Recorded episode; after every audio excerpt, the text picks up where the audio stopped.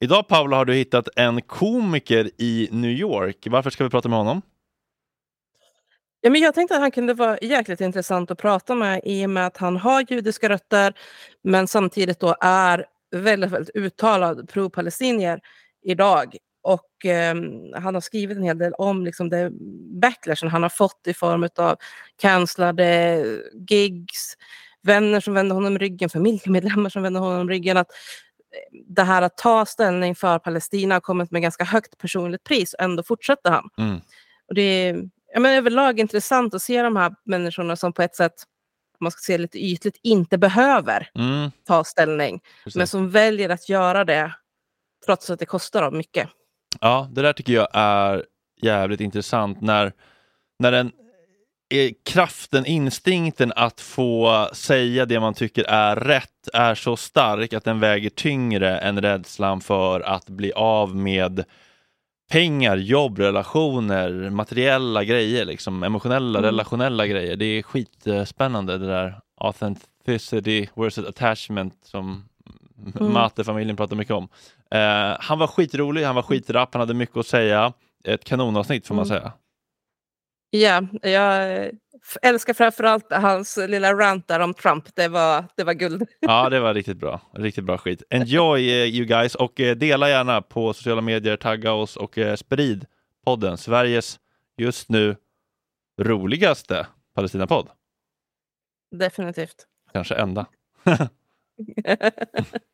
Sådär ja. Hello there. Hi. Hey, hey, hey. How you guys doing? Pretty good, pretty good. We were just Yeah, talking about Paula's um, use of uh, CBD oil as a um, sleep enhancer. Oh, okay, very nice. How's that working out? really good. I said I have slept uh, uncommonly good tonight. So I'm much more uh, myself today than normal. Oh, I'm so happy that I get to uh, do this interview with you on a day that you're much more yourself. Yeah, it's uh, perfect timing. I was today. Uh, uh, I was uh, a part of a live stream today about uh, war and peace. A very general topic, two-hour conversation, and uh, four people uh, who uh, none of us knew who the other people would be, and uh, one of the guys was uh, Cyril Engman. You know, Paula. Mm. And I was so triggered. I I had to leave. I just Oh, said, no. I, I just said uh, I um I blame it on my my stroke a year ago, and I said uh, my brain is too tired. Is it okay if I just leave? He's a, like a scientist in Sweden. Oh, okay, okay. Uh, do you want to screen record, Paula?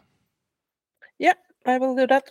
If you don't mind, Jonathan, uh, we we sometimes uh, screen record uh, and we do some snippets to post on social media and stuff. Okay, yeah, sounds great. Cool. So you are a New York comedian, is that correct?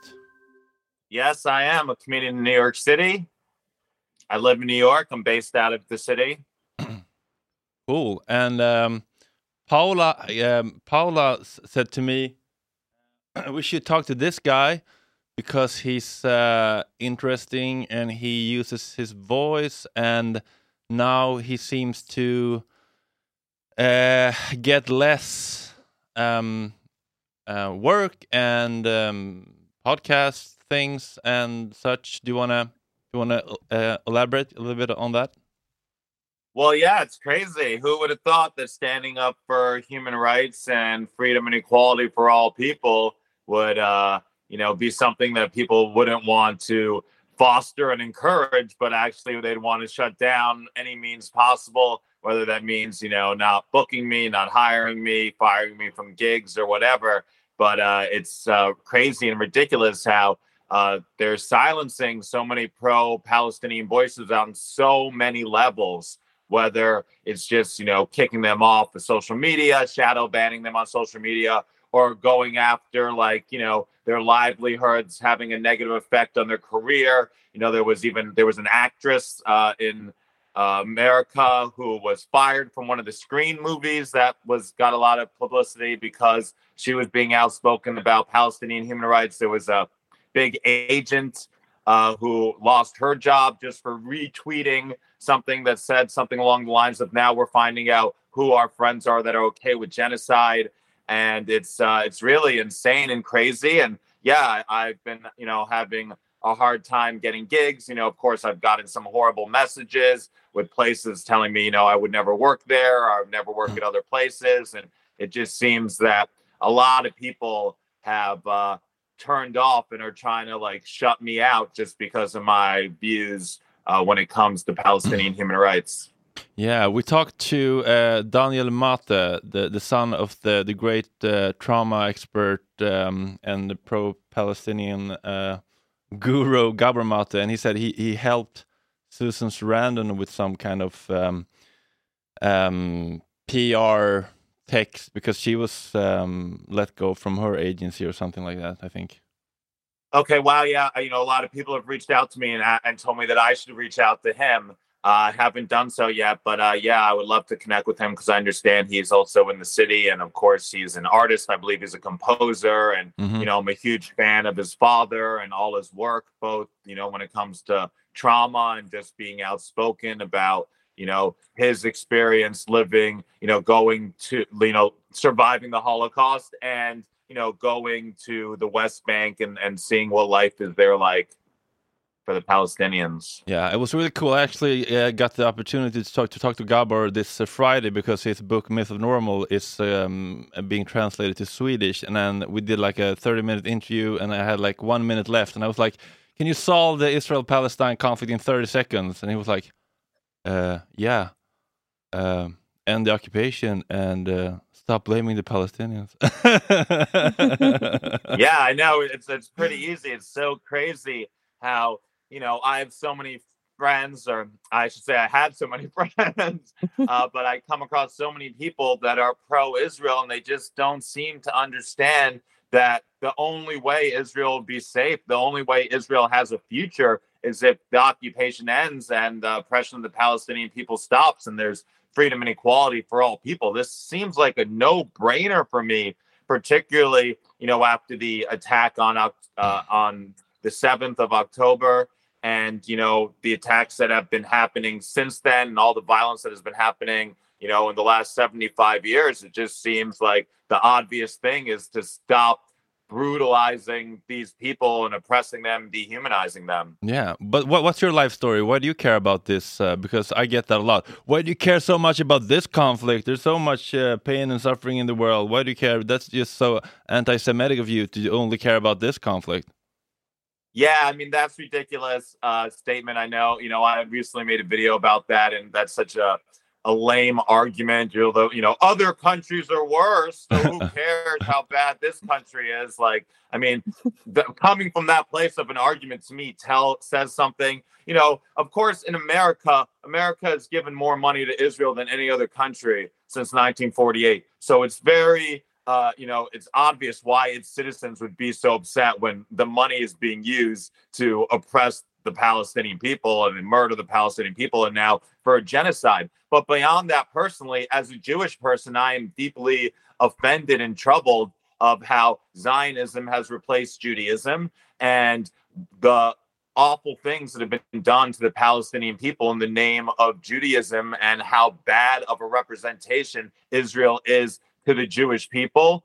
Um, and that it isn't a reflection of the beauty of Judaism. And that's really, I think, why I have been so outspoken about this because as a Jewish person, we, you know, need to stop pointing fingers. You know, that's not only a Jewish problem, I think it's a universal problem with people all over the world where they're so eager to point fingers elsewhere instead of asking what are they doing wrong? How could they improve the situation? You know, what are they adding that's causing problems? And for some reason, Jewish people are so reluctant to do this when it comes to the state of Israel. And I won't stand by anymore silently. I mean, I did for years. I've been outspoken for the last couple of years uh, with the more insight and knowledge that I've really gained because, of course, you know, I was indoctrinated to, you know, to love Israel and that, you know, Palestinians were all terrorists that wanted to murder me just because I'm Jewish and all this other bullshit that absolutely is not true.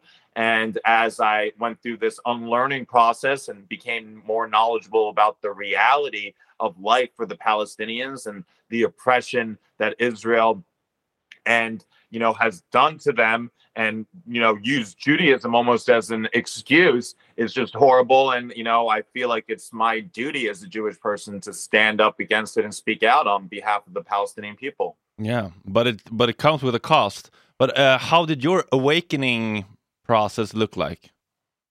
Well, you know, I, I grew up in a modern Orthodox uh, household in, in Miami Beach, Florida.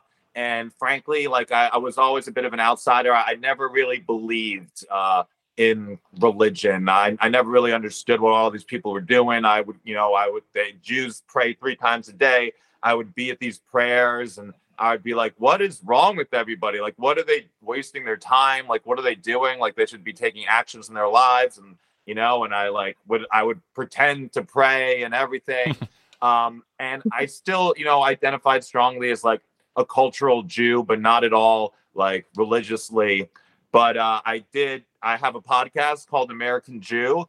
And, you know, every, it used to be a weekly podcast. Now it's just an interview podcast that I do once in a while and uh, when it was a weekly podcast, we would talk about you know things that were going on uh, in you know for Jews around the world, anti-Semitism in America, things that were happening in Israel. Uh, we would also talk a little bit about like the Bible verses of each week. But anyways, the more we would talk uh, about Israel and what's happening in Israel, the more research I was doing about Israel. And uh, you know, one thing that really just kind of was a tipping point for me uh, almost I'd say the straw that broke the camel's back was just like so. I've always grown up. I've always heard this human shield thing. You know, mm-hmm. the oh, the Palestinians had to die because they're human shields. This Palestinian child had to die because of human shields.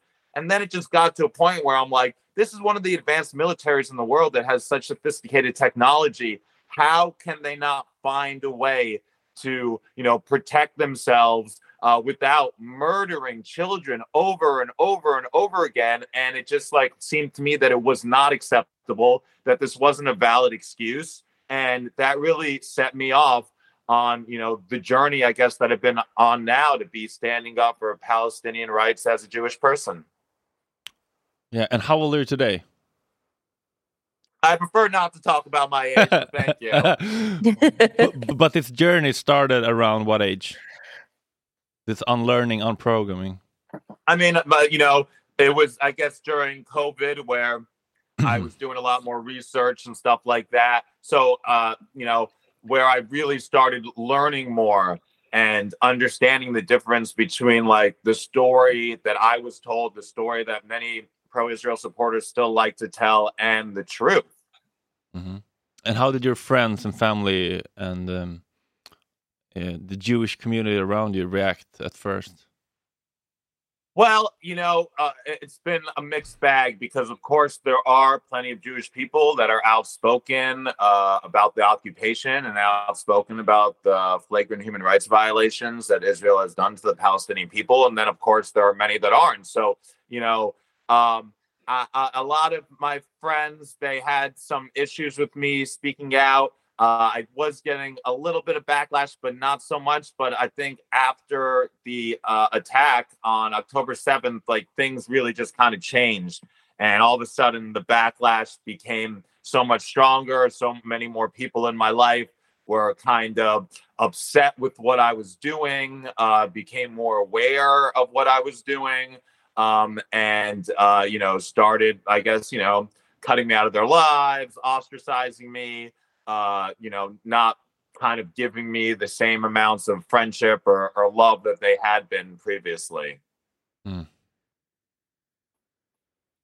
Mm. We had uh, uh, last week uh, an Israeli Jewish guy with us that also had made this journey away from the Zionist movement, so to say. Um, and he talked about, a lot about how important it was for him when he started to question everything he has learned about Israel and his life there and and how the Palestinians are and so on. Um, that he met other people that like picked him up and say, "Okay, we we hear you, and you can come hang with us instead." Mm-hmm. Uh, how has that been for you? Have you found like new friends through this journey to a new tribe. Well, New well, tribe. well absolutely, absolutely. And you know, to be honest, I feel like I felt a, a, a bigger sense and connection to Judaism since I've been outspoken because everything I do is as a Jewish person. Uh, but um, you know, there are tons of people. There are organizations like If Not Now and Jewish Voices for Peace in America, and I've had other, you know, people that are Jewish reach out to me, of course. Um, and I have now, you know, through my social media presence, uh, you know, created a, a bit of a following and have established a little bit of a community. And, you know, uh, lots of different people are reaching out to me, and I'm definitely meeting a lot of other people. You know, I am outspoken about Palestinian human rights, but I'm all about freedom and equality for all people. I'm not about ending the oppression of the Palestinian people and then like doing violence against the Israeli people. So there are people part of the pro-Palestinian movement or advocates that you know they don't really eh, are accepting of me either because I'm not one of these guys like everybody in Israel has to leave and Israel has to be destroyed. Like I think Israel needs to be fundamentally changed from its foundation and has to do a lot of reparations for the Palestinian people. But I am fully aware that there have been Jews that have been living in Israel for many generations. There have always been uh, Jews in Israel. Uh, I know now, since 1948, a lot of them are called Mizrahi Jews. And there are many Mizrahi Jews and Sephardic Jews that have ties to the land. And additionally to that, there are plenty of Jews that got kicked out of Middle Eastern countries that have no other places to go.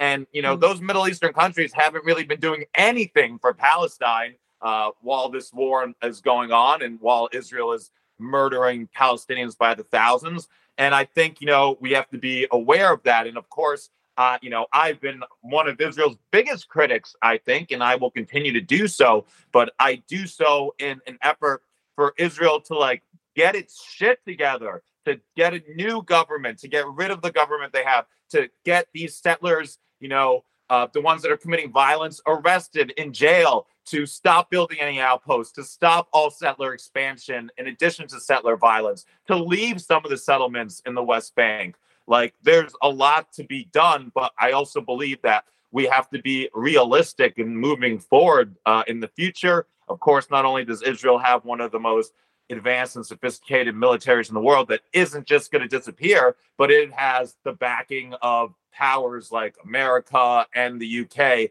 that aren't going to be eager to, you know, just give up the investment of billions of dollars that they have done to have Israel to have their outpost in the Middle East, uh, to you know, kind of spread the Western values.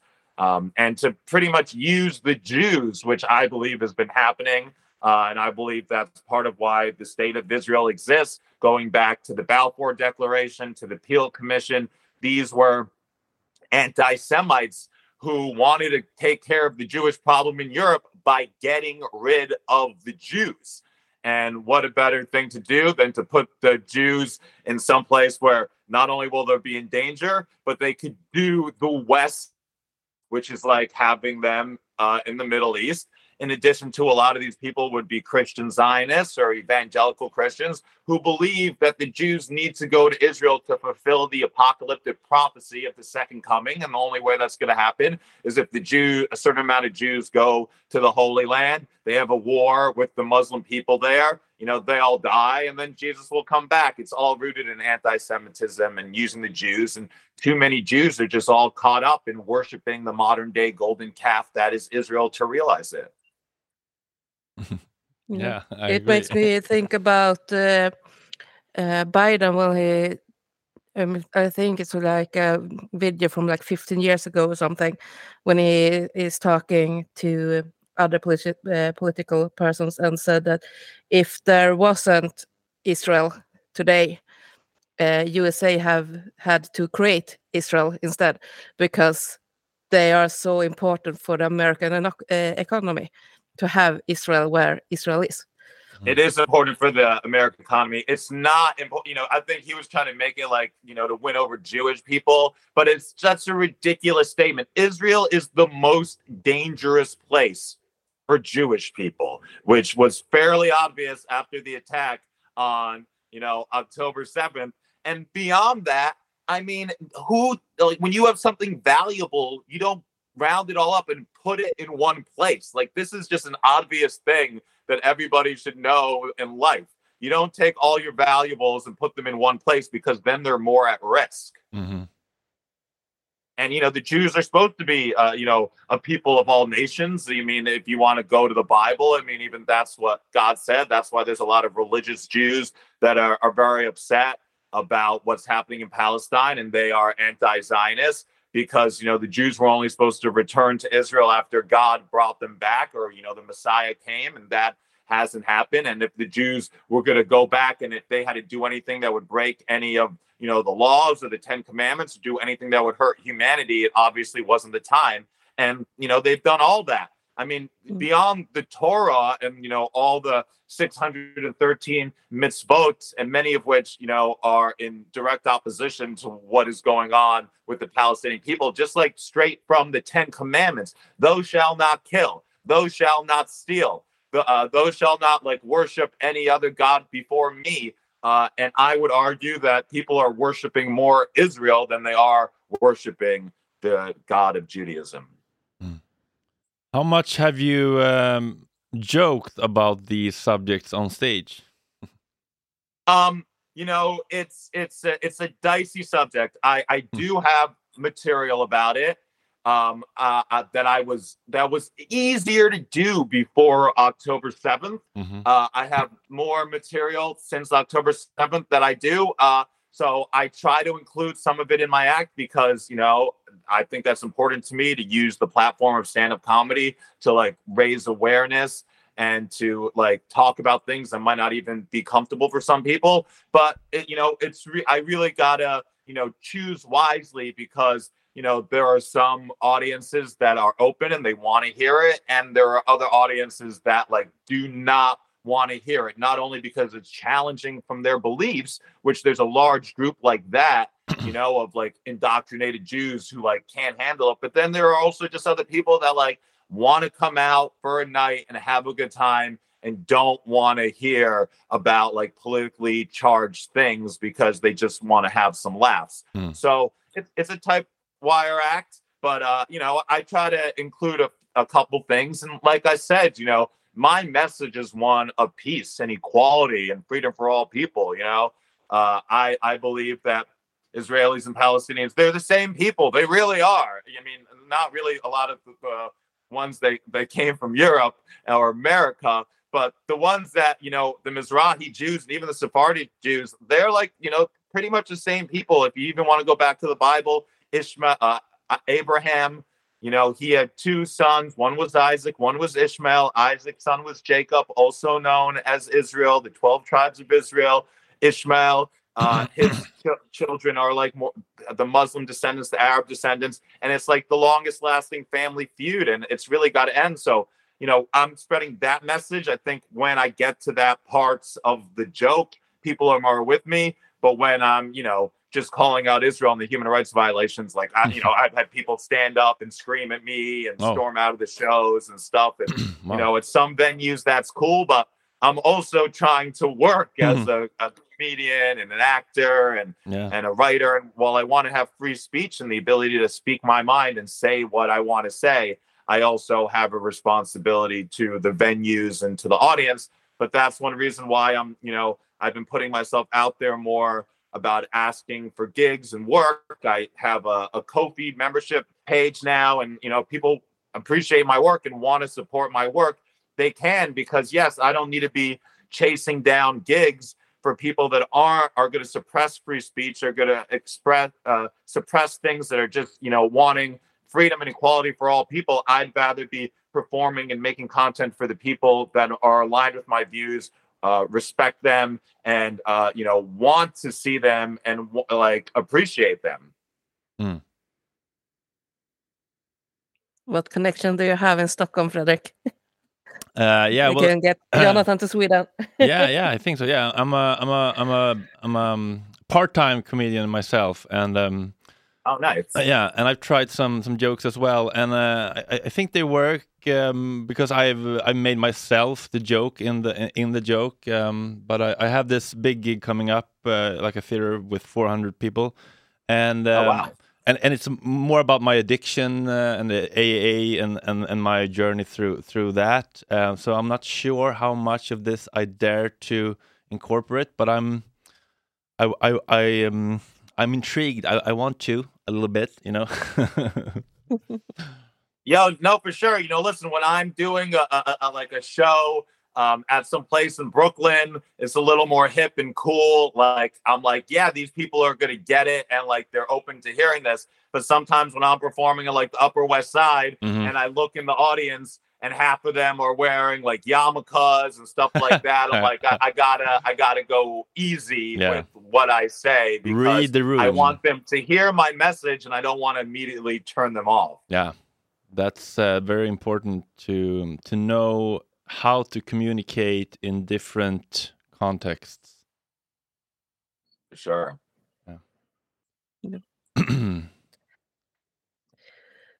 Eh, But yeah, we're trying to put together a comedy tour with a bunch of pro-Palestinian voices. So yeah, we we would love to bring it to Sweden. Yeah, that would be uh, really cool. I, I I tried to. I had this idea that I should uh, I should do this um, uh, stand up comedy special thing, charity stand up for human rights or stand up for Palestine. And then I asked one comedian, "Do you want to do this?" And it was like, "Me, me, me. I'm too scared. It's too complicated." And I was like, "Ugh, fuck it. Nobody's gonna be be brave enough." No, I mean we were trying to come up with names for the tour, and you know, one, of course, one of the ideas like, oh, we should do it from the river to the sea comedy tour, and it's like that's perfect and it sounds good, but like we don't want to immediately turn people off hmm. because unfortunately now, uh, you know, Zionists, for lack of a better word, have really made it that this thing is a call for genocide, which I think is absolutely ridiculous. Mm. Uh, like while they commit the genocide, when I say from the river to the sea, when I hear from the river to the sea, I I hear and I mean freedom and equality from for all people from the river to the sea. Yeah. And it's so very important with intention when we talk about their genocide. But when we talk about from the river to the sea, our intention with the phrase isn't important. It's their emotional um, um, response and their um, tolkning, Paula. What's the word? Interpretation. In their interpretation of the word that makes them feel bad. That's important. So that's right you know i mean standard. they, they well i don't think that's important i mean I, I kind of disagree i mean you we like i you know i gotta you gotta be aware of it but i think it's a little ridiculous and i think it's part of israeli propaganda that they've changed it and they're trying to express that like if anyone says that that's what it means when that's not it's just another way that they're trying to silence palestinian voices. They're trying to uh like squash any chance of uh, you know palestinian liberation and they're doing this by even like attacking the words and the slogans and the culture. It's not enough. And it, yes it is unfortunate that some people do say from the river to the sea to mean you know getting rid of everybody in israel. But you know the the Likud party it has something in its charter that's very similar. No one has a problem with that. In america there's an expression from sea to shining sea no one's like, oh, I guess that means you want to genocide all the Native Americans. yeah. You know, it's like, Mm. well, a Native American could interpret it like that, but you know, like anyone could interpret anything the wrong way. And I think that's part of the problem with like, you know, the whole woke situation that's happening in the world. Like, you know, it's okay to have your feelings and like it's okay to like, you know, want people to respect your feelings, but like you can't put your feelings on other people. Um, you know, you just got to try to get along with like what's happening in the world, and like not everything is a personal physical attack on you. No, and feelings aren't facts. Yeah, they're not facts. Absolutely. Yeah. And when that? Netanyahu's son, right, put out from the river to the sea, they stole the flag you see. That is okay. oh yeah, Yeah, they say that all the time. And Netanyahu, Yeah. he was in the, in the Likud party, and like that, they say that they want that area. They talk about a greater Israel, of taking Yeah. more land in the Middle East, of expanding Israel. It's like ridiculous how they want to condemn people that say from the river to the sea and be like, you're committing genocide when they are expanding settlements all the time. Settlers are committing violence, daily against Palestinians, driving them from their land. They are literally doing what they're accusing the Palestinians of doing. And that's why many of you know pro-Palestine supporters say you know every accusation is a, is a confession. Yeah, I was thinking mm. about uh, uh, American politics today actually because uh, I find it interesting. Me being not at all pro-Trump and very like democratic in my uh, opinions, but today I was like maybe it would be better if Trump uh, won the next election because it feels it feels my feelings that tells me that he's more America first and not as happy to throw bags of money overseas to other countries and other armies. Um, what um, what the leader do you think American leader president would be better for uh, Palestine? I, I, mean, I think we're screwed. Uh, it, uh, Trump certainly is not better for Palestine. No. I mean, he has gone out and speaking how he's a great friend to Israel. He loves Israel. When he's president again, he's going to give all the support to Israel. You know, he helped with the Abraham Accords, uh, normalizing Israel. If you go to Israel, there are parks named after Trump. I mean, he did call out Netanyahu, but it seemed it was more spiteful because Netanyahu, you know, welcomed Biden when he became president. But the American political system is, you know, totally fucked. It's 100% corrupt. And it is just beyond a point already where it's ridiculous for us to be constantly choosing between two, like which one's the lesser evil. Um, I, like they're both horrible. I, I like I've always been a never Trumper. I can't stand Trump. I think he's just a horrible person. He's a horrible representation to America. Uh, he's a horrible human being, um, and I don't appreciate the people that he panders to.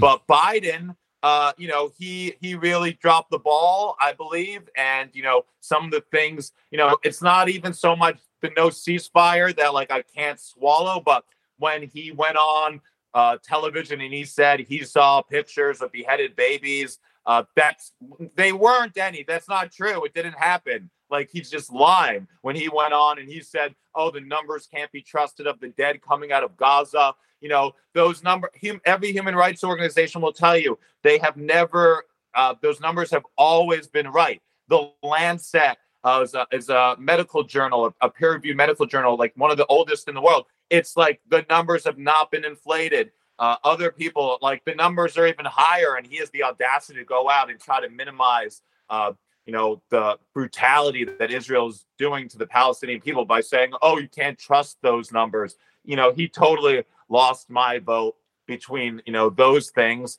and you know his undying support for Israel. This was a moment for Biden, uh, I, I believe, uh, where he really could have stepped up for the Palestinian people. And you know, I just posted a video about Blinken. Uh, the secretary secretary of state saying, "Oh yeah, we got to make a Palestinian state," and you know, you guys got to stop doing all this violence and killing civilians. But it's like enough talk. We got to end military aid. We got to end all aid to Israel. It's ridiculous. Israel has free health care. They have free higher education. Americans don't. Yet we're sending billions and billions of dollars every year. Like this just has to stop. So we're screwed hmm. politically. There's there's no good choice. I like I like um, the guy uh, Cornel West, but I have no uh, really um, I have no idea. Like, uh, how big is he? How popular is he? Right. Like, I, I hey, I mean, Cornel West seems like the best option to me as well. But uh, again, I don't think he's a realistic option. But I mean, if yeah, if I had to pick one person that's running, it would be him. But I think the chances of him uh, becoming president are slim to none. But that like that would be amazing. I think you know he uh, is a brilliant mind, and uh, he definitely cares about the Palestinian people. And I think he would be a, a, like a, a, great president. I would love to have him in the White House, but unfortunately, I think it is going to be uh, Trump. Uh, even though it makes no sense how this guy is going to be president again, it's absolutely insane to me. Hmm. Uh, with all the court cases he has, all the frauds, all the lying, all the rapes uh, you know, the insurrection is just like a thing after another after another, but somehow people just don't care. And he has this, you know, rabid support system from these people who I don't believe he really has their best interest at heart. But, you know, he's a, a flashy reality star, and that's what they like, and that's what they you know they care about, and that's what they're vote for. And they also just hate liberals, and they you know they know tr- liberals hate Trump, so having Trump in the White House, they know he's going to piss off all the liberals, and I think that's something that they really want to do. Yeah, and having Trump in office is all is also uh, it makes the work really easy for uh, late night television host, uh, uh, script room writers. you know. Oh no, hey, Trump's great for comedy. I mean, Biden's great for comedy too. You know, he's always tripping and falling, and you know, being so old. But with Trump, it was like every day was another thing between his tweets and the ridiculous, ridiculous speeches that he would give. Uh, you know, and he's just like a joke. He Trump is a caricature of like America almost. He's like he kind of is the president America deserves. And while I he, I think he's a poor representation. I don't want him to be the representation of America. He kind of does represent America. yeah, but it's too easy to joke about. The door is too open, isn't it? I mean, I guess it, it is too easy. You know, uh, I have a, a, few Trump jokes jokes currently in my act, but uh, yeah, I mean, the guy's a joke, so it is easy to make jokes about him, and you know, I'm sure there'll be a lot of jokes made of him no matter what. But you know, I hope you know. I know in like Colorado, he's been kicked off the ballot. I hope there's more places that they kick him off the ballot. But even if it's not him, it's not like DeSantis is a good option. It's not like there is no good option anywhere. You know, I mean, I would love if Jon Stewart would run for president, but he doesn't want to do that. What's on your mind, Paula? Yeah. I was wondering a bit what is the most ridiculous tactics you've seen from the pro-Israelis or Zionist? Um, for example, I've seen that they started on social media to post the watermelon and and uh, text like "free the watermelon" and uh, where the seeds of the watermelon is changed to Stars of David uh, try to like reclaim the watermelon from Palestinians. I mean, it's so crazy because they've stolen so much from Palestinians, not only like their land and food and like, you know, and now they want to take the watermelon. It's just like absolutely ridiculous. You know, I mean, a lot of the lies that they spread, I think, are horrible. You know, I was at a protest on Saturday. Um, it was an artist protest. It was, you know, for the the Freedom Theater. It's a theater in the Jenin refugee camp yeah. that you know mm-hmm. tries to educate and promote change through art. And it was uh, you know really more protested just about like peace and equality for all, uh, freeing Palestine. Uh, it was a beautiful, joyful protest, and there was a excuse me a group of like five or six pro-Israel people that were there that were just trying to ruin it, and they're being so ugly. And when people were giving speeches, they would you know have their their microphones and uh, be yelling, "Oh, you're all rapists," and all this just like ridiculous crap that just like isn't true. and it's just ugly and upsetting. And you know, these are probably the same people that are settlers in the West Bank that are like going into Palestinian olive groves and like destroying them so seeing that ugliness, it really like was just so horrible because you know they're yelling about Hamas, and it's like this isn't a protest that has anything to do with Hamas. It's about freedom and equality for like all people. It's about like not suppressing art, and you know, uh, and they're like, no, you're all terrorists, and it's just like that kind of mentality is really sickening and horrible. And of course, you know, the attack on the 7th was horrible. You know, Hamas released videos. Everybody could see the videos and they could see the horrors that they did. We didn't have to make up more things. We didn't have to make up mm-hmm. rumors, you know, uh, make up a lot of lies that are being spread about what happened on that day to paint the Palestinian people, to spread Islamophobia, you know, to justify you know this bombardment this this genocide that's happening in gaza like so that's i think really upsetting because i'm still confronted with people even family you know that are like oh well they were killing all the babies. I'm like there was one baby killed. Her name was mila cohen. She was shot. She was under 10 months old. It's horrible. It's tragic. It's a tragedy. She shouldn't have died. I don't think killing a baby is resistance.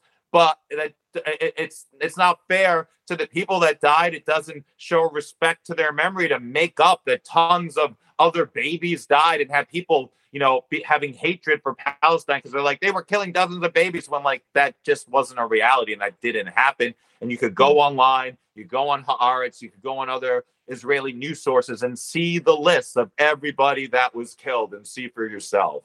Yeah, that's why I left the live stream today when Cyril uh, uh, started talking about the beheaded babies. And I was like, I'm mm-hmm. not doing this anymore. yeah, you know, a lot of these rumors and uh, are the 40 the 40 baby rumor was spread by uh, like an extremist Israeli settler, one of the guys who was involved in you know the uh, the pogrom, the riot that happened in Huara uh, last year, where you know a bunch of settlers went through this Palestinian town and they you know they killed somebody, they were burning it down, they were just causing all these havoc, and then they go and they spread these rumors. Mm. You know, there, there's this organization. It's called Zaka. Uh, these are the people that kind of prepared the bodies uh, for you know the Jewish rituals, like after they're killed. And they are also like extremist people who have no medical training. There, it's more of like a religious organization, and they're the founder of that organization was known as the Haredi Jeffrey Epstein because he used to uh, commit serious sexual violence against boys, girls, uh, women, and they, they knew it. He did it for years, and now this, you know, he killed himself like Jeffrey Epstein too, and uh, that's what they call him. And now this organization also is like spreading rumors and lies that just aren't true. They're doing this to advance, you know, the Israeli agenda, uh, uh, you know, pro-Israeli beliefs, pro-Zionist, you know, talking points, for lack of a better word. You know, at its root, Zionism really is just about Jews having a homeland in, in Israel, but it's really been twisted uh, by the state of Israel, and what it's become is really a horrible, ugly thing. But you know, the term gets thrown around a lot, and people find it a lot like confusing and stuff like that. But it's really sad. It's really horrible that these people that are, you know, spreading these lies, you know, they have done horrible things. They have like stood by while other people are doing horrible things, and people are believing them. People are donating money to their causes and they to their organizations and they're just like exploiting that and exploit and exploiting and lying to people and using that to like get funds and it's absolutely ridiculous and crazy and then there are all these american jews or other jews uh, in the diaspora that have been so indoctrinated about israel that their jewish identity is just tied to israel. It's all about israel and when you attack Israel, they take it as a personal attack against themselves because their identity as a Jewish person is so intertwined with Israel, even though it's all based on lies. And they are like, you know, they are eager to spread this and, you know, spread hatred for the Palestinian people. And it's really sad and unfortunate. Yeah. Do you get people in the in uh, in the entertainment industry? Uh, do they reach out to you in private and say like, I would like to talk about this as well, but I'm I'm I'm uh I'm scared. I'm I'm afraid of losing gigs and contracts and, and whatever or stuff like that. Um, I mean, not so many, but I, I, I, like a couple, but more just messages from regular people that mm. are like, I want to talk about this, but I have a Jewish friend, and you know, they don't, they are mad at me when I talk about it, or they say they're not going to be my friend if I talk about it anymore, or I have Jewish family and I don't know what to do because you know I, I can't handle you know their perspective on this and the things they say and the things they believe and they want to you know fight with me and they don't like what i'm saying and you know mm. they're you know ostracizing me from my family or my friends. So you know I, have I've heard a lot about that.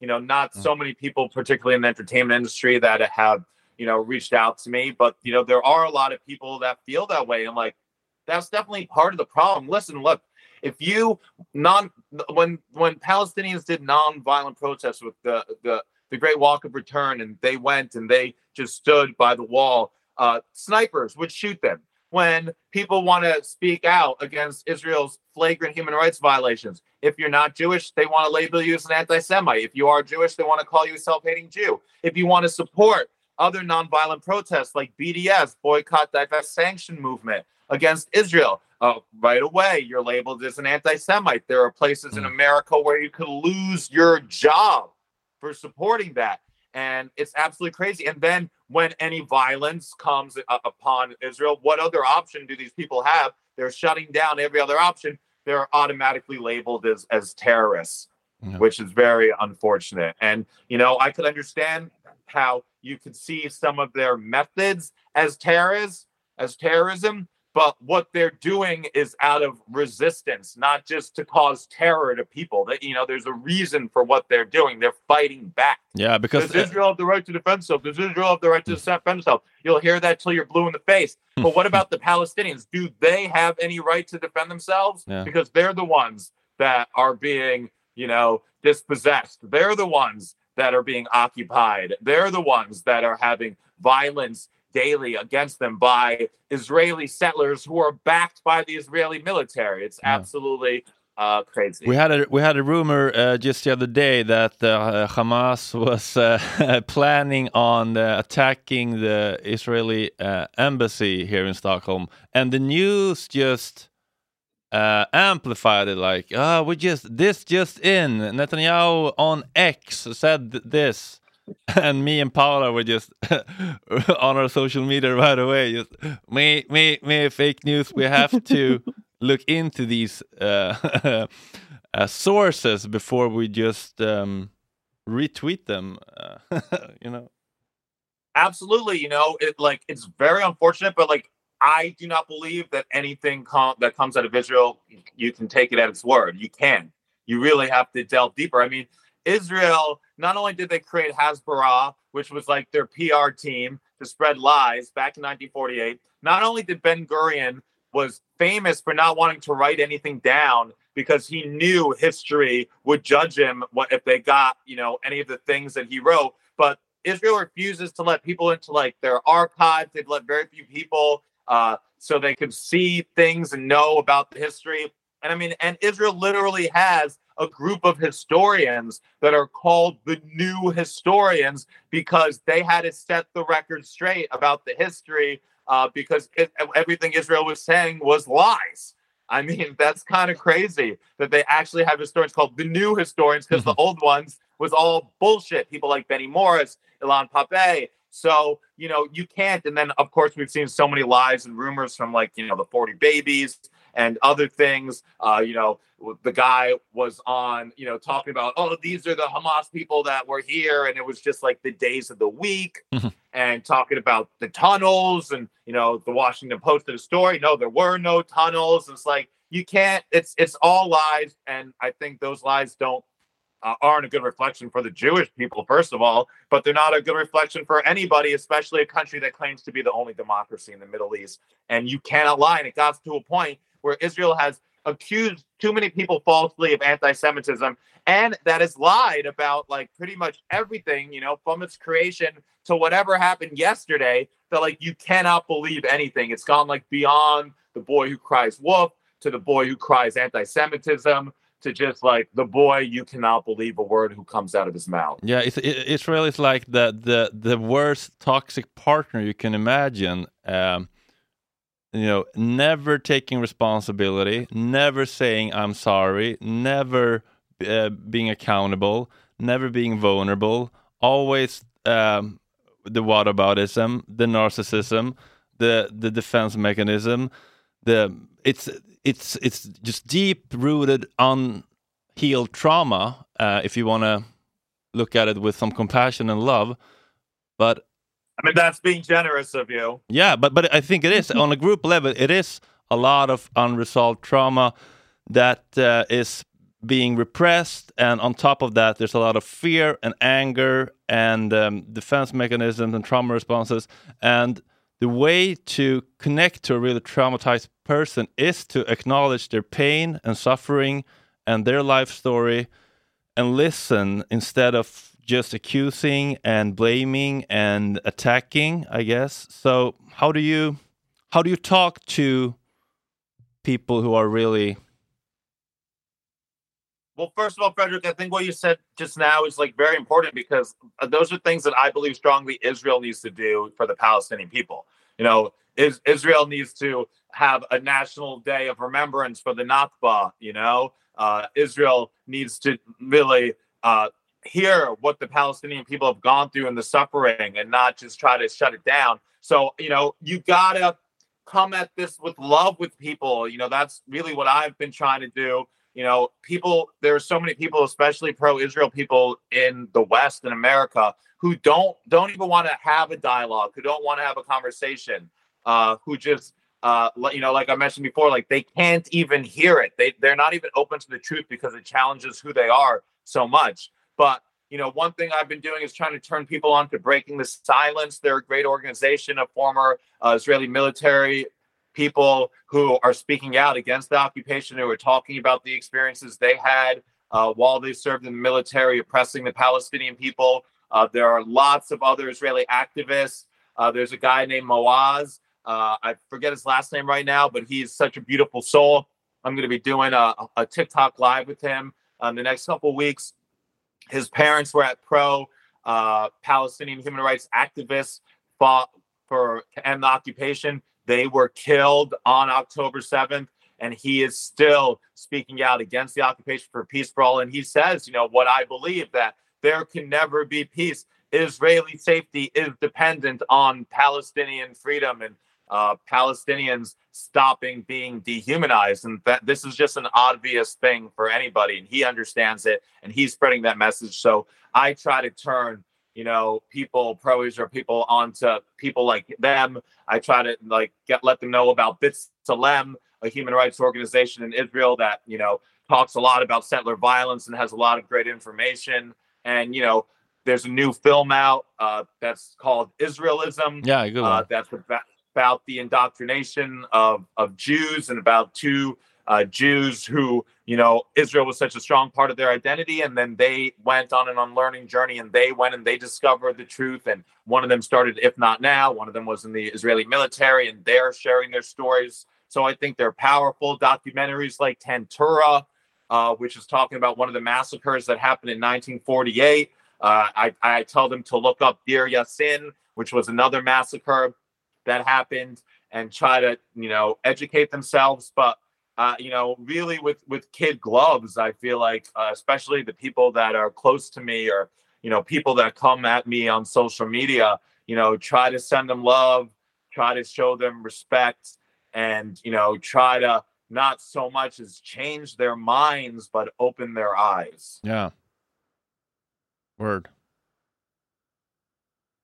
Because it's a lot to ask for Palestinians to acknowledge the, um, the Israelis' pain, but we who don't have the generational traumas that the Palestinians have, we have the privilege to offer more compassion for the for the Israelis and, and the Jews and and and um, we, we, we could approach them with probably less anger and, and hate and pain, I guess. I mean, we got to do that. We got to do that with everybody. You know, yeah. I, I, always say the only thing Israel should be killing Palestinians with is kindness. Mm-hmm. That is the only thing. If they really want to have a chance, uh, you know, to move forward and for safety, that's what they got to be doing is killing them with kindness. And Bomb I feel like them with love. Gotta, yes, with love. You know, uh, overwhelm them with love, uh, with respect. And that's what we have to do, I think, in our lives and with everybody. And, you know, I'm reading this interesting book and just talking about how there's something innate in human nature to see people as the other and to have this us versus them mentality. And, you know, it talks about uh, this experiment that happened that they did with children where they would uh, uh, show the children a certain number of like dots on a wall and they would ask them how many dots and then they would divide the group into the people that said more dots and more and people that said less dots and they would tell the children listen it doesn't like it, it doesn't matter which group you're at they're equally good it's all fine. And then they would ask the groups and they'd say hey would you want us to give each group $10 or would we you want just your own group to get $5 and the the kids would overwhelmingly just want their own group to get the five dollars instead of the other group to get some. And this is something that's in human nature. Apparently, the amygdala it takes just milliseconds for it to recognize somebody of a different uh, a different race. Mm. And we have this us versus them. We have this, you know, other mentality, and we really got to try to get rid of it and try to lift each other up and love each other more for our differences than look for ways, you know, for them to keep us apart. And I truly believe, you know, that there are powers that are at B that are want us to be fighting amongst ourselves, that want to separate people because they profit off that. Yeah. That's the that's the the player that's in every conflict, right, Paula? Capitalism. Yeah, in everyone. Yeah. Yeah. No matter which one you look at, it's it's the same components. Mm -hmm. Which is uh, for me, I think, quite important. Just like uh, when when people get that argument that why is Gaza so important or why is what happening in Palestine so important when you have genocides going on in more countries as well. And it's like, yeah, but they are all connected in the same way that if you look at it, it's all coming coming down to money. Mm. In some way, it's about money. Absolutely. You know, Israel claims to be the only democracy in the Middle East. It won't shut up about it. Like, of hmm. course, people are going to hold a democracy to a higher standard. I mean, that's what it means to be a democracy. But you know, yeah. Israel or Persia people, they want to take take all the benefits of being a democracy, but they don't want to take you know the responsibility that comes with it. Mm. Exactly, and I think it's important for for this uh, conversation about money also. Well, like you you mentioned before with the Greater uh, Israel, that it wasn't that long before the 7th of, of October, where they stand in the UN talking about the greater Israel and how they were going to connect the world from Asia to Europe by building this new uh, canal for the boats. And that canal is going through Gaza. Mm. Um, and for the West, it would be really, really good to deal with Israel instead of Egypt and that's also part of why the Western world, uh, like USA and UK, is so invested in this and sending um, military down there to keep the boats going and start bombing Yemen because they're mm-hmm. interfering. Yeah, I mean that's crazy. You know, the the Houthis, uh, who like you know, I'm not a, a fan of their slogan. I'm not a fan of some of their ideologies, but they did something I think special because they had an effect on the global economy. Uh, they certainly had effect on Israel's economy, and they didn't kill one person. They didn't hurt anybody, and no. but they hurt Israel and you know the West, where it really matters to them, and that's in their pockets mm-hmm. with money. You know, the day after one of the oil companies said that they were going to like suspend shipping or something, that's like the first time when like British politicians were like speaking out for a ceasefire. You know, mm-hmm. uh, that's I think a lesson to all. You know, it's you you could kill people, but when you start affecting their pockets, especially you know America, especially Israel, that's what that's what really gets them.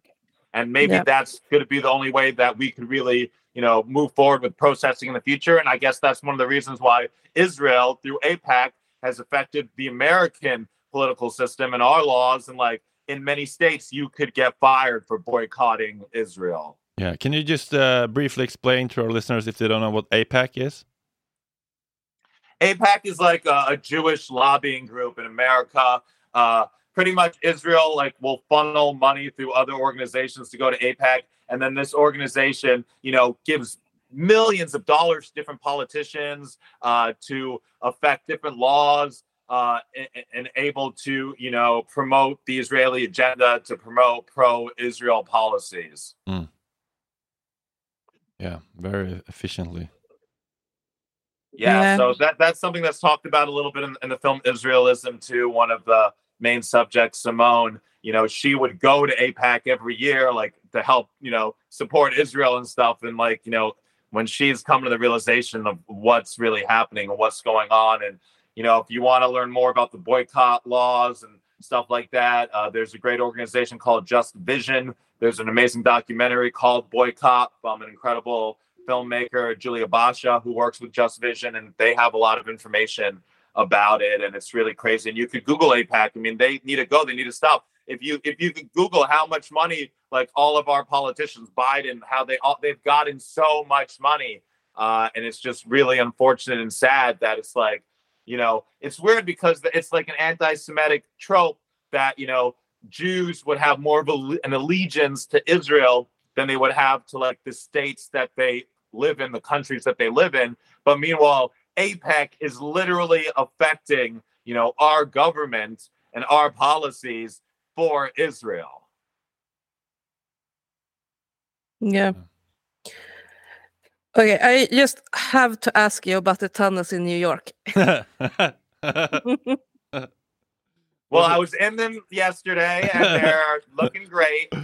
a lot of Uber Eats people are using them now because it's a much faster route. um, you know, the, uh, from what I've understood and from all of the research I've done, these are just about uh, uh people in the synagogue, two groups. Some are more religious and they believe that a rabbi that we used to have there was the Messiah, and the other people there don't believe that. And the more religious students, they wanted to be able to have access to the synagogue whenever they want. They wanted to kind of create more space. And they built this tunnel, and that's really the end of it. But unfortunately, you know, anti Semites love to seize on these opportunities to spread uh, lies about the Jewish people, to spread age old conspiracy theories. Um, and that's what's happening. And that's real anti Semitism, not anti Zionism, which I do not believe is anti Semitism, but the real anti Semitism, real just fundamental Jew hatred um, that's been around since the Middle Ages uh, with, you know, dumb things like blood libel and, uh, and, you know, the Jews are sex traffickers or whatever. Um, and the, there are Jewish people that have done horrible things and have done shady things, you know, Jeffrey Epstein or, you know, yeah, even other religious figures who have abused people, but like it does, like spreading these huge lies. Uh, it's just like they pounce on these opportunities to be anti-Semitic, and I feel like this expresses the dangers of conflating anti-Zionism with anti-Semitism because it takes the attention away from the real anti-Semites, like we're seeing now, um, and it also justifies, you know, pro-Israel supporter with the uh, uh, dehumanization, occupation, and current genocide of the Palestinian people.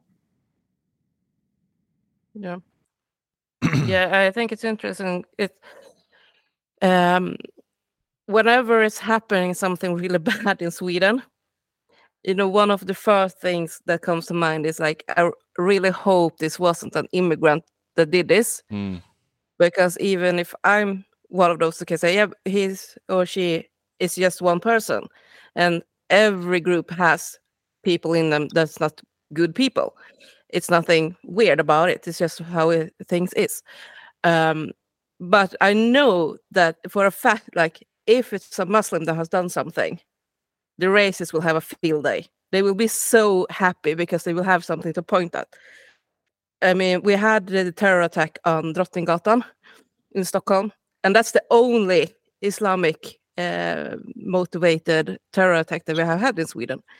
Uh, and the same year, we had like five or six uh, terror uh, or like bombings and uh, burnt refugee camps and stuff like that from the Nazis in Sweden. But everyone focusing on this one Islamic uh, terror thing that happened. And they're still doing it. It's been years without any new one. But as soon as something bad happened, everyone is like, yeah, it's probably the Muslims. And I was thinking the same thing when I saw these chaotic uh, video clips from from the tunnels, and I was like, okay, yeah, those actually wanting to find something to hang on to for the anti-Semitism, they will also have a field day now they will be so happy because now they can like point to something Jewish and say, "Look, we told you this is how the Jews are." But what? What? But I, I don't really get it. What's wrong with tunnels per se? There's really nothing. Uh, we should know I mean, because it was Swedish tunnels in the IDF put us. they were illegal. They were illegal and, and they were unsafe. Yeah. But that, I mean, that was really the only problem with the the tunnels. Mm-hmm. Um, they weren't really like like sanctioned. But you know, it's uh I think what you were saying, Paula, is so true. There are extremists in every group, in every religion, and we can't let the extremists, you know, be the representation of everybody. We can't let them also like ruin things for everybody and you know cause hatred for everybody. Yeah. But the hard part is to have those conversations, I think, to really try to get through to the people that actually start pointing at these things. Like, um, for example, I also saw we had a huge discussion in Sweden about this um, Israelis steals the organs from Palestinians killed um, because one of our a really famous Swedish person shared uh, old news about this. Um, and then a few weeks later, you get this news article about people saying, "Yeah, but now we have gotten uh, killed Palestinians back from Israel, and they are missing organs," and it's just starting all over again. And I haven't shared anything about it because I'm like, I haven't seen any proof of it. It's just an anonymous source saying that this has happened. Uh, but others went ballistic, just so happy that this news came out. And I was like, look at this. Everything we said about Israeli stealing organs was true. Now they are doing it again. And I was like, chill, please, please, chill. You don't have any real source about it. But right. I don't know, people don't really want to listen. They just jumping on it because they want it to be true, to be able to paint Jews and Israeli uh, people uh, in particular as these really, really evil persons, just as pro Israelis jump on everything that's said about Hamas and like yeah, like the 40 beheaded babies or the women that have been raped and gotten their breast cut off. Um, they just jump on it. And even now, when the Israeli police comes out and say we don't have any bodies that's matching those stories, people are still just repeating the horror stories they want to be true to be able to point at others and say, "Look at uh, them; they are so so evil." Have yeah, you I ever mean, managed to get through to someone? yeah, they, people don't care about the truth. They just want to believe what they want to believe. They want to think the worst in people, and they want to you know have whatever justification they they have you know uh, I, I believe there are instances of, of, Israel doing that in the past. I haven't heard of any happening recently. Um, I think they're too busy bombing the hell out of the Palestinians to take their organs. Um, but you know, yeah, we we have to be careful where we get our information from. Not be so quick to believe everything, particularly these days with social media. And we really gotta uh, invest in doing our own research and not only doing research from organizations uh, that we kind of agree with politically or that like skew to our side, but also like trying to get a well-rounded picture uh, by looking into new sources from uh, that have opposing views. Yeah, and also find a balance somewhere because, like Fredrik sent a link now that there has been proven situation where Israelis uh, or Palestinian bodies has uh, turned up without organs. Um, they like especially like in the 90s and the early 2000s because at that time it wasn't illegal to trade in organs in Israel. And of course, if it's not illegal, people will do it. Um, Israel will do it even if it is illegal. Mm-hmm. Yeah, but you know, um, and but it is I, I don't know there's because it's proven to have happened sometimes it's not like the same to say that israel is is killing palestinians in the sole purpose to harvest their organs. It's like yeah okay some dude found a way to make extra money by taking organs from dead bodies that comes come, came his way, no matter if they were Jews or if they were Palestinians. But go from that to saying Israel kills Palestinian only to get their organs or skin. I don't know. I think That's it's a crazy. very no, big jump. kills them only to get rid of them. yeah, to mow the lawn. To mow the lawn. So yeah, I mean, it has it has happened in the past, but that that doesn't mean that every Palestinian gets killed, they're going to harvest their their organs. But you know, Well, if it happened to one Palestinian, that's too many, in, in my opinion. But again, Yes, we can't condemn all Israelis for the actions of a few that are really horrible.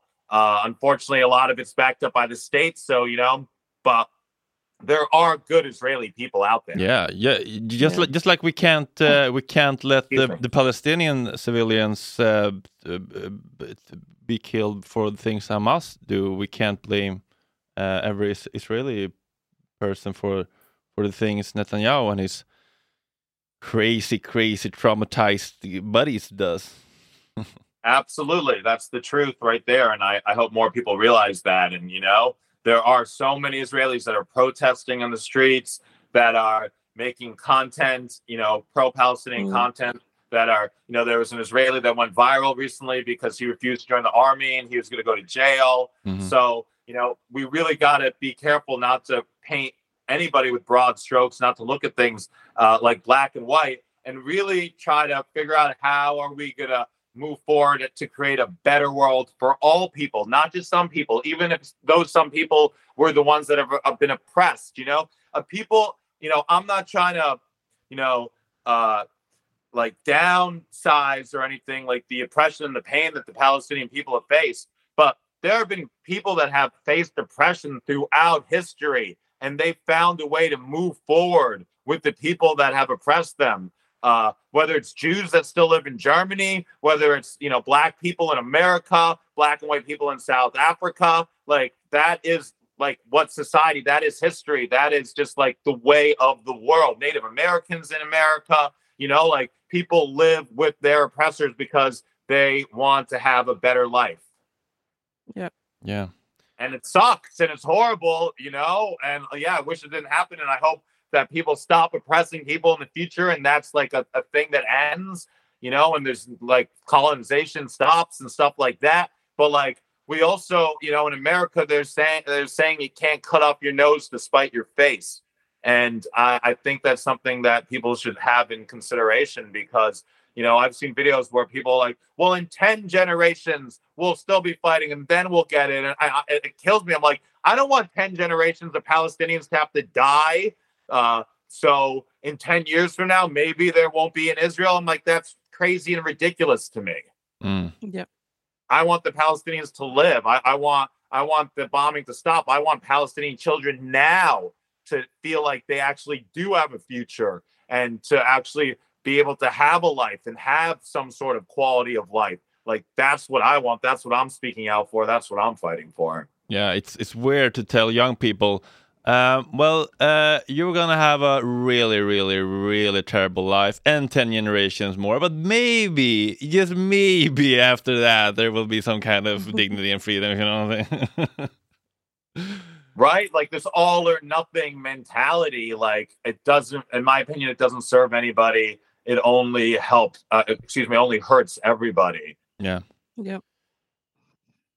Right. yeah, And I think to one important thing is to amplify the vo- voices that are critical from within Israel too, because um, like I shared a few days ago, there was this protest in Tel Aviv hmm that actually were protesting against the regime and want Netanyahu to step down. Uh, and the same uh, protests in Swedish media was talked about like they were out just protesting because it's been 100 days and some of the hostages is still in Gaza. hmm And the Swedish media didn't mention that they also were calling for a ceasefire, that they also was calling for a free Palestine, and also calling for Netanyahu to step down. Hmm. And someone that's, if someone just listened to the mainstream media, um, they will believe that like that everyone in Israel is pro the regime Mm. and think that Netanyahu is doing a great job and they just want their hostages back. Mm. And that's the end of it. Um, and I think that's, I know in some ways, I think that um, the media does it to try to show some kind of unity in the Israeli community. Um, but what it actually does is amplifying the anti-Semitic voices instead by some way showing like, yeah, but every Jew in Israel think that what's happening in Gaza is okay or good. And people start feeling this hatred against everyone in Israel. Like, how can you still live there? How can you still party or be with your friends and having a great time? You're such a vile person if you're actually if you're just living in Israel. Because the voices that are opposing the regime isn't getting out um, to the rest yeah, of the Israel world. doesn't want those voices out. You know, they're Yeah. they're suppressing those voices as well.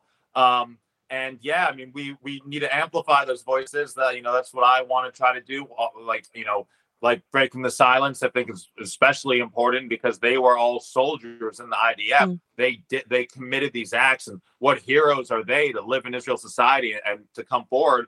But I I do want those voices to be more amplified and they need to because the world you know i get so many messages i can't believe there are jews out there like you we thought all jews uh hated palestinians and you know were for israel's oppression. And it's like it's crazy that people would even think that you know it's it's not true. There are thousands of jews all around the world that are against what's going on and want peace and equality for all people. Yeah, I have seen um, Zionist people that goes like, yeah, but if you if you're anti-Zionist, you are anti-Semitic because all Jews are Zionists because all Jews believe in a Jewish state for the Jews to be self-determinating. I was like, nah, not really. At least Yeah, not no, in the way that the Zionist movement has made it. Definitely not. You know that yeah, the Zionist movement they want to tie anti-Zionism to anti-Semitism because they exploit it and then they use it to further their objectives and their goals. But it, it's not it dangerous; it's just simply not true. You could be against the state of Israel and have no issues with Jewish people. And I believe that you know by conflating it, which Israel has done and other people have done, it's uh, it's dangerous. I do not believe that anti-Zionism is anti-Semitism, but I do believe that Zionism is the greatest source of modern day anti-Semitism. That's a good take. Yeah. Yeah, I there are people that to hate the. Jews just because they think they're all tied to the state of Israel and every action that Israel does and the things that it, the oppression that Israel has committed against the Palestinian people. They hate that. They hate that, and that reflects poorly on Jewish people everywhere. Yeah, definitely. And also like this this take some you know when someone like Biden is standing there and saying the only place where Jews can be safe is Israel. It's like okay, but you have millions of Jews living in America. Why don't you want to make them safe there? Hmm. Why don't you want to keep the Jewish population safe in America where you are the leader and they are living? Why do they have to move to the other side of the uh, world to be safe? That in itself is anti-Semitic to just like, nah, wherever, move if you want to be safe. I don't care. Yeah, it's absolutely insane that he would say something like that. It, it, it makes zero sense. Uh, and yeah, it's it's crazy. I guess you know maybe Biden forgot to take his meds that day. Yeah, I, I think it's like the same when they started to talk about how his dad walked away from the 7th of October attack. And he was like, Yeah, your dad died like five years ago, something like that. oh wow, he said that. Oh, he's really losing it. Yeah, he was talking about the 7th of October and an attack and how his father had survived in the area, I think it was. He named Maybe it's time to retire. yeah. So, It's so. Jonathan, if people want to support you and your work, uh, how the, how can they? Um, well, you can definitely follow me on Instagram at Jonathan Randall. Also, if you want to show me support, uh, you could do so on my Ko-fi. It's kind of like a Patreon uh, where you could either just show me support or you can become a monthly member and get exclusive content, guest first looks at uh, a lot of my videos.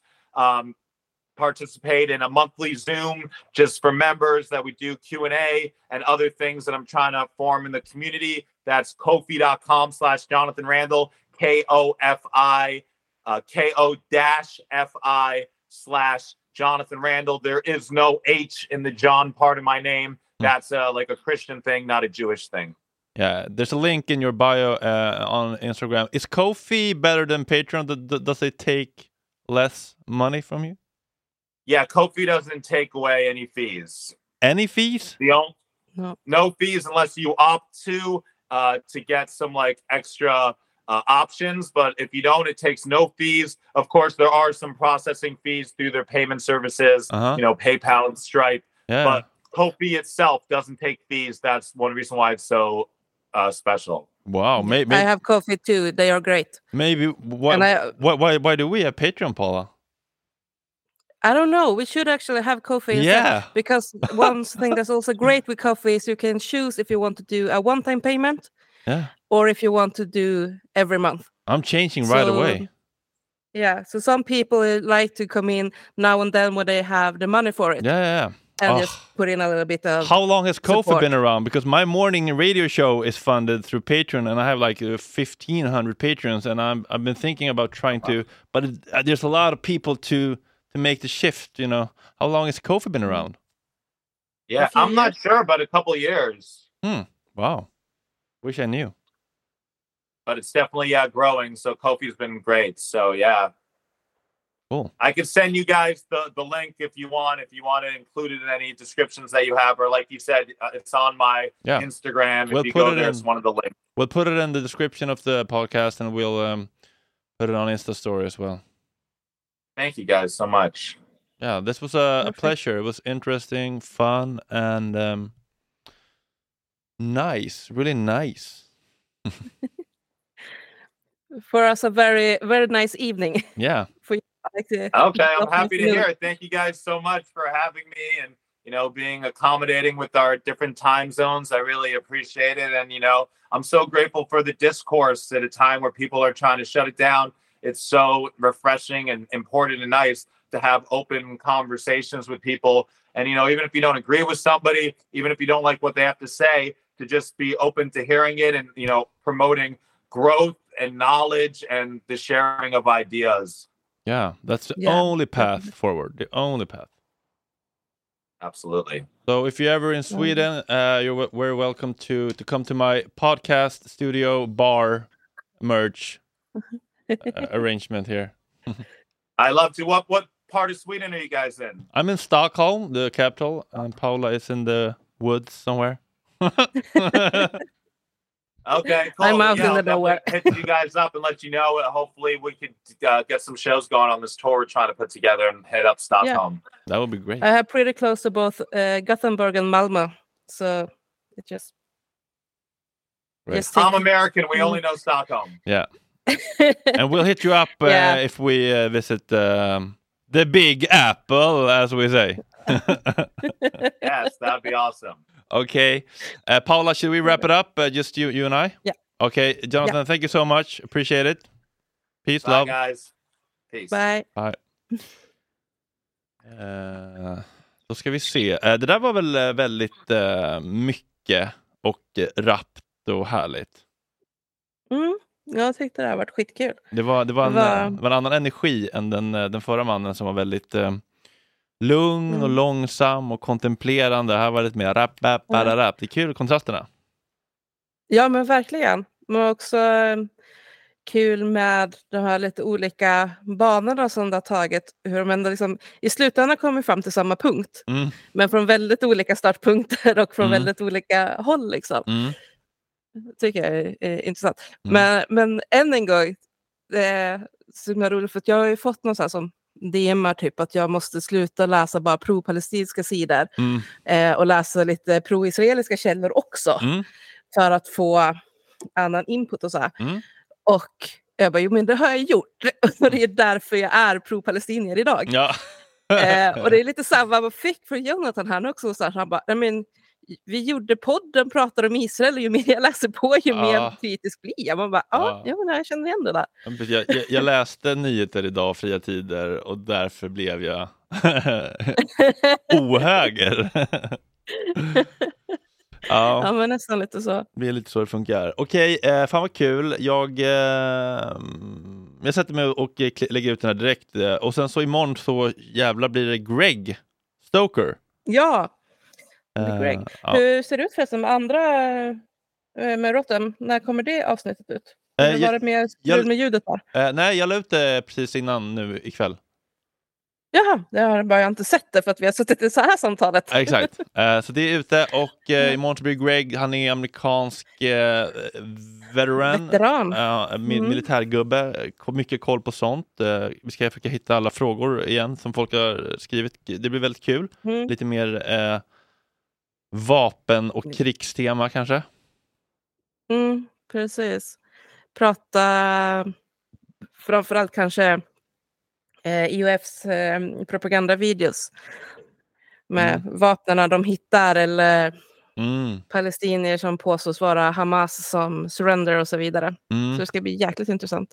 Ja, han verkar ha mm, jävla mycket koll och bara, bara så här, alltså generellt fråga om liksom Mm. så här, alltså militär strategi och liksom så här, hur mycket vet man och hur Mm. mycket hittar på och Ja, han har ju Mm. massa videos som så här, eh, hörni ni måste låsa in era mobiltelefoner. Han har ju massa intressanta tankar och grejer. Mm. Verkligen. Jag så tänkte på det just inför att prata med, för jag eh, kikade på lite videos som Hamas hade lagt upp på sin telegramkanal. Mm. Eh, och så tänkte jag liksom så här, i kontrast mot de videos man har sett från israeliska armén. Mm. Eh, och det var, det var så himla så här, bara, ja, när IOF lägger upp så ser man ju aldrig någon de faktiskt skjuter på. De liksom hoppar in i något tomt rum typ och bara Ah, ja. tömmer magasin och sådana Ah. grejer. Ja. Medan i Hamas videos då hade de verkligen lagt upp så, här, så zoomar de in och typ ringar in bara här är tanken Mm. och sen spränger de den i luften. Jajamän. Och jag så bara, ja, nej, jag, jag tycker inte om att se folk dö, Nej. men det är ju ändå ur rent propagandasyfte lite snyggare att visa foton på faktiska strider Mm. där faktiska fienden syns Mm. och att de får på tafsen liksom. Mm. ja, verkligen. Det där kan vi prata med, med Greg om. Han, han, han, får ju Ja. ont i hjärtat när han ser massa ammunition slösas i hans liksom, veteranhjärta gör ont. ja, det blir kul. Vi, eh, Mm. vi ses och hörs imorgon helt enkelt.